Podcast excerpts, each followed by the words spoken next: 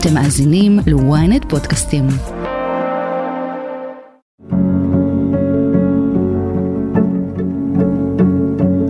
עם תחילת התמרון הקרקעי של צה"ל ברצועת עזה, זה היה עניין של זמן עד שידברו על הפסקת אש.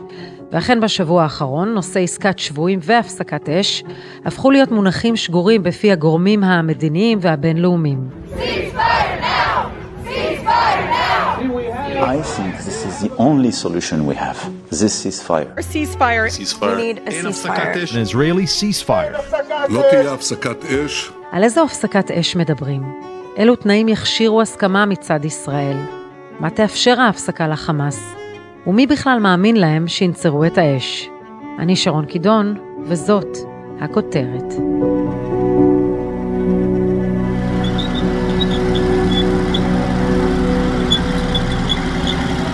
רון בן ישי, הפרשן לענייני ביטחון של ynet וידיעות אחרונות, איך נראית הפסקת אש? הפסקת אש האחרונה שאני זוכר הייתה בצוק איתן, באוגוסט 2014, יום שישי, ואני הייתי במקרה, באותו יום הכניסו אותי לח'אן יונס לגדוד 202 של הצנחנים.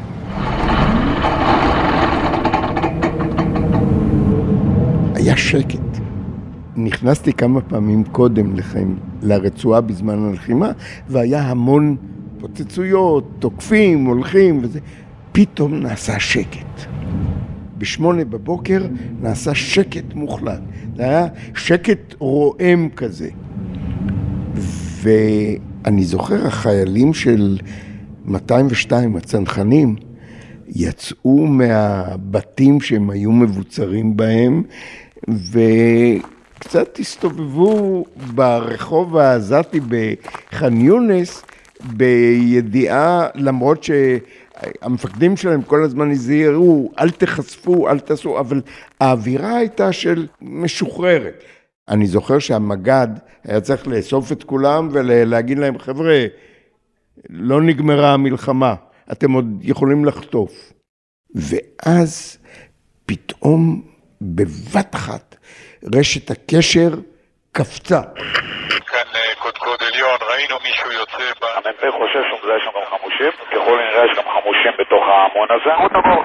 התחיל רעש עצום ודיבורים וצעקות ו- וכל מיני זה, ואז הסתבר שברפיח יש היתקלות, עוד לא ברור, עוד לא נחטפו, נהרגו, היו דיבורים ו- ואנחנו היינו בח'אן יונס, שזה בערך חמישה קילומטר מצפון למקום האירוע, אז המג"ד של 202 לא השתתף בשיחות, רק האזנו, רק, רק שמענו.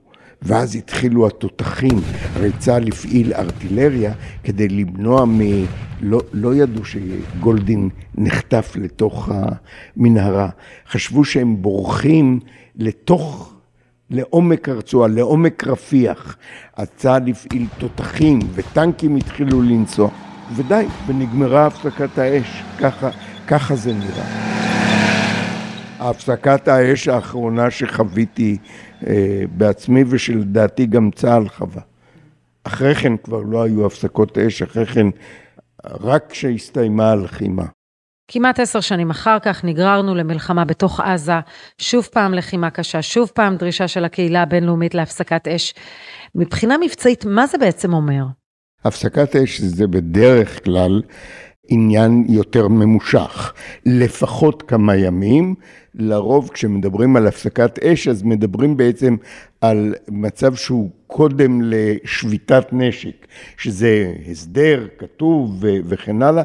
הפסקת אש זה, זה דבר שאמור להימשך זמן רב. לעומת זאת, המונח השני שמשתמשים בו זה הפוגה, ובהפוגה ברור שזה מצב זמני. שזה לכל היותר כמה שעות, או יום לכל היותר.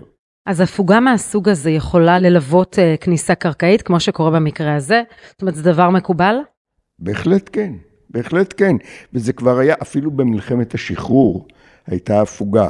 הפוגה שנמשכה דווקא הרבה זמן, היה ברור שאחרי האש מתחדשת, וההפוגה הזאת אה, דווקא עבדה לטובתנו, לטובת אה, ישראל, שהצליחה להיערך בהפוגה הזאת להמשך הלחימה, ואחריה היו לצה"ל הצעיר אז, ב-48, הרבה ניצחונות. פה מדובר, ב, כשמדובר בהפוגה, בלחימה הנוכחית, מדובר בכמה שעות. מדובר בארבע, חמש, שש שעות לכל היותר. כשמדברים על הפסקת אש הומניטרית, בעצם רוצים להכניס ציוד, תרופות, אה, מזון אה, לרצועה, על דלק אפילו נשים את זה בסוגריים. למה בעצם צריך הפסקת אש או הפוגה כדי להעביר סיוע הומניטרי, כשאנחנו יודעים שרק בצפון הרצועה יש לחימה? הפסקת אש כאילו מאפשרת לצוותים הלא לוחמים לנוע בביטחון לבצע את משימותיהם ההומניטריות. אבל את צודקת לגמרי, שאם רק לצורך המשימות ההומניטריות אין צורך בהפסקת אש. לצורך המשימות ההומניטריות מספיק שאחד הצדדים יכריז על הפוגה שהיא תחומה לא רק בזמן, אלא גם באזור. אני אומר, אני לא פועל ב... לא מפציץ, חיל האוויר לא מפציץ מקו אה, רחוב סלאח א-דין ומערבה. בכל שאר המקומות הלחימה נמשכת אה, כרגיל, וזה מספיק לצרכים ההומניטריים לגמרי. אבל חמאס רוצה הפסקת אש, הוא רוצה פסק זמן להתארגן, להתחמש מחדש, אה, להיערך מחדש. הוא רוצה פשוט אה, להיערך מחדש ללחימה. חוץ מזה, לחמאס, כשהוא מבקש הפסקת אש ודורש שהיא תהיה ארוכה, יש מטרה אסטרטגית. על מה חמאס בנה את הלחימה שלו? הוא ידע שלהחזיק מעמד לוחם מול לוחם, אה, אה, בונקר מול אה, חטיבה שמסתערת, חטיבה של מסתערת של צה"ל עליו, זה לא יחזיק מעמד. אז הם בנו על זה שהקהילייה הבינלאומית תכריח את ישראל להפסיק את הלחימה, ואז הם שרדו. הם עשו את מה שהם עשו בשטחנו, חיות אדם האלו, ואז הם חוזרים לתת קרקע ומחכים שבתת קרקע שחיל האוויר לא, י, לא יצליח לפגוע בהם, והם גם, גם לא נלחמים מי יודע מה עכשיו, הם, הם כמעט לא נלחמים. הם בקושי מנסים לזנב פה ושם בכוחות, וזה גובה מאיתנו לא מעט, הם מלכדו גם, אבל העיקר שלהם עדיין יושבים בתת קרקע, במנהרות, ושורדים ומחכים שהקהילייה הבינלאומית תכריח אותנו להפסיק את הלחימה, ואז הם יצאו מהמנהרות והכל בסדר. וכדי לממש את המטרה האסטרטגית הזאת, הם צריכים הפסקת אש. הפסקת אש של חמישה ימים, נותנת להם עוד זמן. הם מאמינים שאחרי הפסקת אש של חמישה ימים, צה"ל לא יחדש את הלחימה בכל הכוח, כי הקהילייה הבינלאומית כבר לא תיתן לו, ו- וכן הלאה וכן הלאה. זאת אומרת, הם עובדים על זמן, והפסקת אש, מלבד כל הצרכים הצבאיים שהיא ממלאת אצלהם, בעיקר, בעיקר קונה להם זמן, והם בונים על הלחץ של הקהילייה הבינלאומית שתאפשר להם לשרוד. היה ובאמת לא נלך על הפוגה של כמה שעות, אלא כמה ימים. מה זה מאפשר מבחינה צבאית לחמאס? מאפשר להם הרבה דברים. למשל, זה מאפשר להם אה, לחדש את מלאי המזון והדלק גם בלי שיכניסו, אה, נגיד שלא מכניסים בזמן הפסקת האש, הם, הם דורשים שכן יכניסו דלק ומזון. הם עולים על פני הקרקע, ניגשים לבית חולים שיפא, לוקחים מהמטבח של בית חולים שיפא את כל מצרכי המזון וחוזרים לבונקר אה, בתת קרקע שנמצא 300 מטר מבית חולים שיפא, אני אתן לך דוגמה. אותו דבר עם הדלק. יש מכלים של אונר"א, מכלי דלק של אונר"א מעל פני הקרקע. הם זקוקים לדלק כדי להניע את הגנרטורים שמספקים להם אוויר לנשימה, פשוטו כמשמעו, אה, חמצן, הם שואבים חמצן מ... אה, אוויר נקי מבחוץ ומכניסים אותו למנהרות, וגם זה מאפשר להם רשת הקשר שלהם. עכשיו, אין להם דלק, הדלק שלהם הולך ונגמר. אז הם יכולים לעלות על פני הקרקע בהפסקת אש, הם לא מפחדים מאף אחד, ללכת למכלים של אונר"א, לשאוב מהם דלק, ואז יש להם דלק לגנרטורים. הפצצות חיל האוויר פגעו בחלק מהמנהרות, ניתקו את הקשר בין כוחות לכוחות. זו ההזדמנות לעלות מעל פני הקרקע, לעבור את הקטע החסום במנהרה, ולרדת בפיר הבא של המנהרה הבאה, והנה אנחנו אה, נערכנו מחדש, העברנו כוחות ממקום למקום. מעל פני הקרקע בלי שמישהו יפריע להם. כיום הם לא יכולים לעשות את זה במצב הלחימה הנוכחי.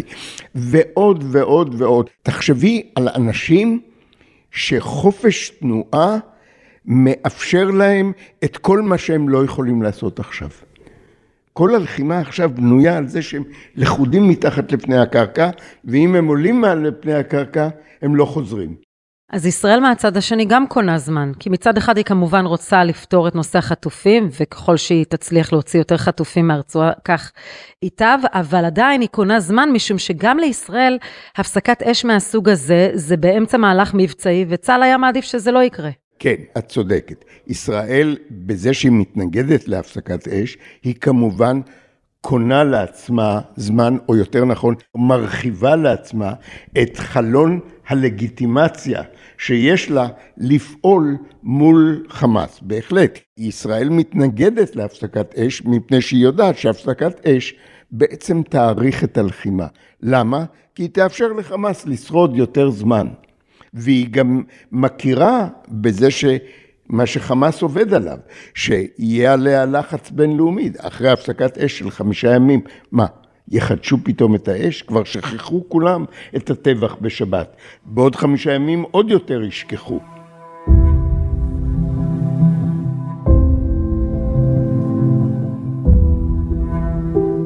אז אם נחזור לאותה הפסקת אש ב-2014, בה נהרג ונשבע הדר גולדין, זכרו לברכה, היום הרבה אנשים לא מאמינים שחמאס יכבד את הפסקת האש, וחושבים שהם ינצלו אותה שוב כדי לפגוע בכוחותינו. גם אני לא מאמין להם. גם אני לא מאמין להם, וברור לי לגמרי שהם לא יכבדו את הפסקת האש, ושאיזה כוח שלהם יעשה וינסה לנצל את זה. אבל זה לא יכול להיות שיקול במשא ומתן. במשא ומתן יכול להיות שכדי שתהיה לנו לגיטימציה להמשך הפעולה, ובעיקר כדי שנשיג שחרור החטופים, אז אנחנו, זה בדיוק כמו במשחק שחמט, סליחה על הציניות. אתה מקריב כלי כדי לקבל משהו יותר חשוב לך מבחינה אסטרטגית, והחטופים חשובים לנו. אז ישראל כן בידיעה ברורה שהפסקת האש לא תכובד על ידי חמאס ושהיא משרתת רק את חמאס והיא בניגוד לאינטרסים שלנו, אבל לנו יש מטרה שאם אנחנו יכולים לשחרר את הילדים, הנשים והקשישים, אז לא נעשה את זה? ברור שנעשה את זה. אחד הדברים שחמאס גם רוצה ויכול לעשות בהפסקת אש, זה בעצם להכניס את העיתונות הזרת, הכתבים הבינלאומיים פנימה. הדבר הזה יכול לעשות לנו אה, קשיים מאוד בהסברה והתמודדות עם הלגיטימציה הבינלאומית. נכון. תראי, הכל נכון, אבל כמו שאמרתי קודם, אתה נמצא במצב עם החטופים, אלמלא היה עניין החטופים, אז ישראל יכלה בקלות, לדעתי, לדחות את המאמצים של אה, חמאס להכריז על הפסקת אש. וזה הדבר העיקרי שהוא רוצה, הפסקת אש. כי הוא יודע, זה נותן לו את היתרונות העיקריים להמשך הלחימה. אבל מאחר שאנחנו מנהלים לחימה, אפשר להגיד עם יד אחת קשורה לאחור, יד החטופים, אין ברירה. אין ברירה.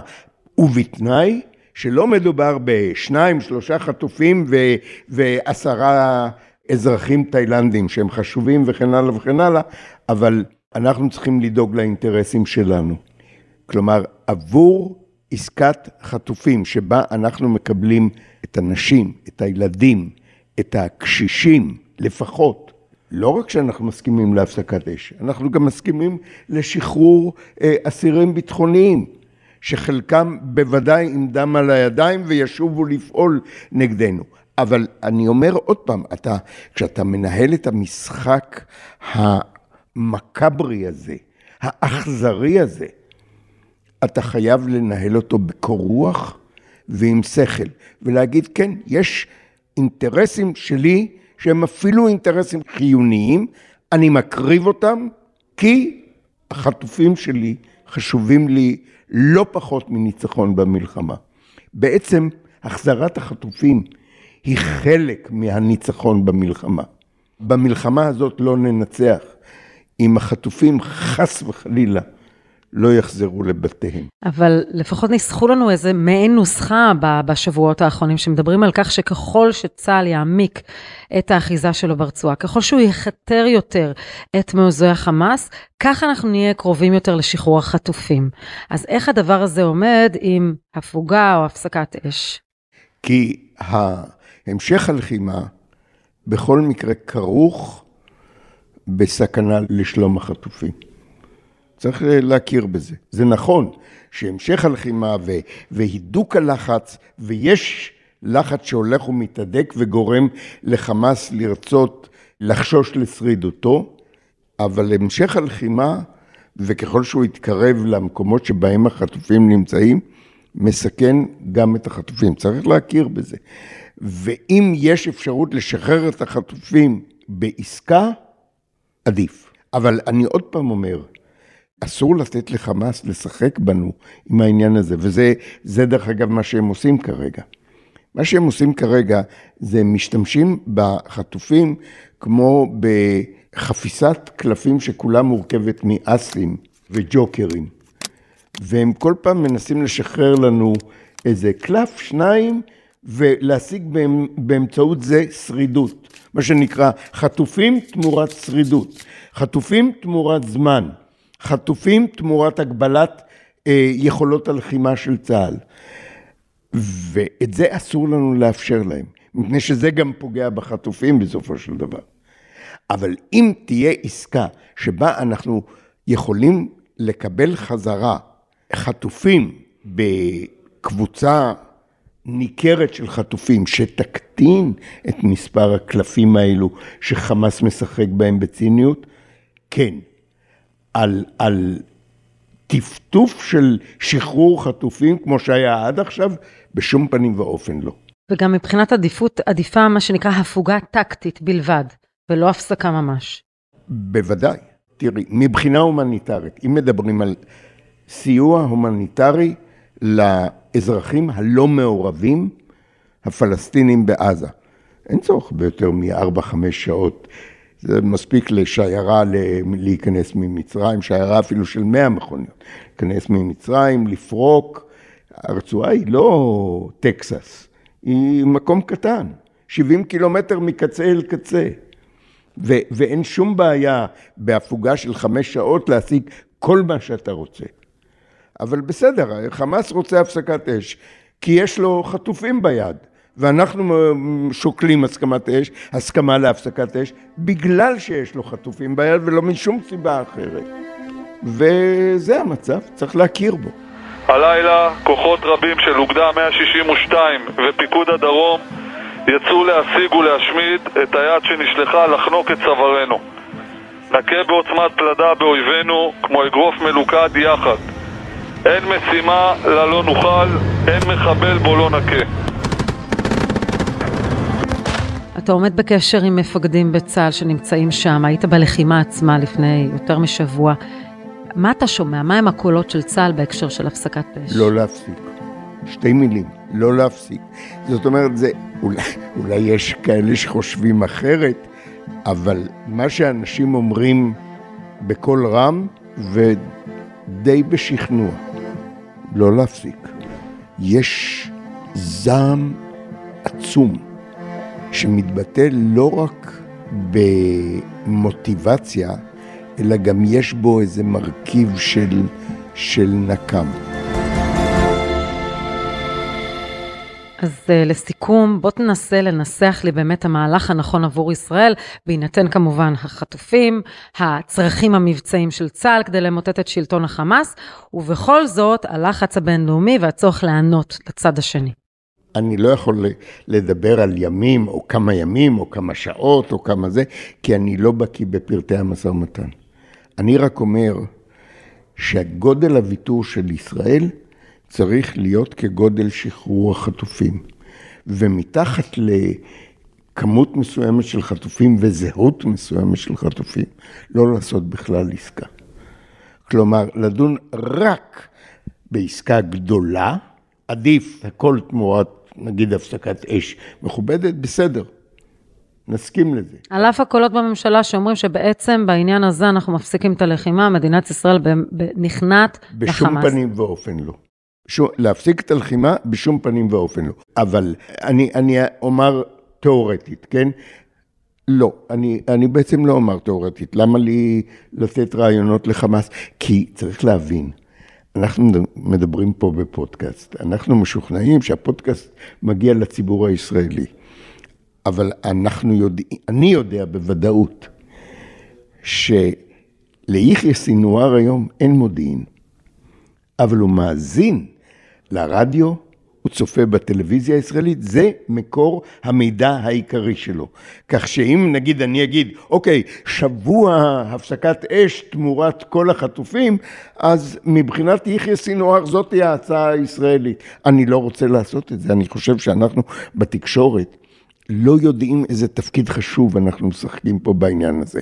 אבל אני חושב שעל עקרונות אפשר לדבר, והעיקרון באמת כגודל וזהות, איכות, שחרור החטופים, כך גודל הפסקת האש והוויתורים ההומניטריים. כן, אנחנו אחרי כן, בטוח, זה יקשה על כוחותינו, זה יגרום ל- ליותר אבדות בקרב כוחותינו, אבל אנחנו רוצים לשחרר את החטופים.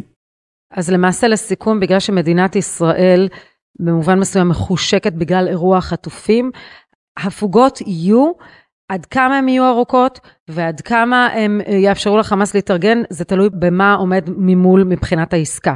זו בסוף הנוסחה שאתה מנסח. פחות או יותר, ואני אומר את זה במצפון נקי, מדוע? מפני שחמאס יודע את זה. חמאס הבין כבר מזמן שזה הסיפור.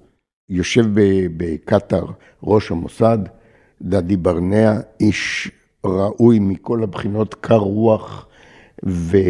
אבל רגיש, באמת, אני, אני מכיר את האיש, הוא גם בוגר פנימייה אה, כמוני, ויושב שם גם ראש ה-CIA, ויליאם ברנס, והאנשים האלו אומרים, באמצעות הקטרים להנהגה המדינית של חמאס שיושבת בקטאר, והם מקיימים קשר כנראה עם יחיא סינואר באיזה דרכים עקיפות, שאני לא, לא יודע בדיוק איך, אבל זה, זה מתקיים.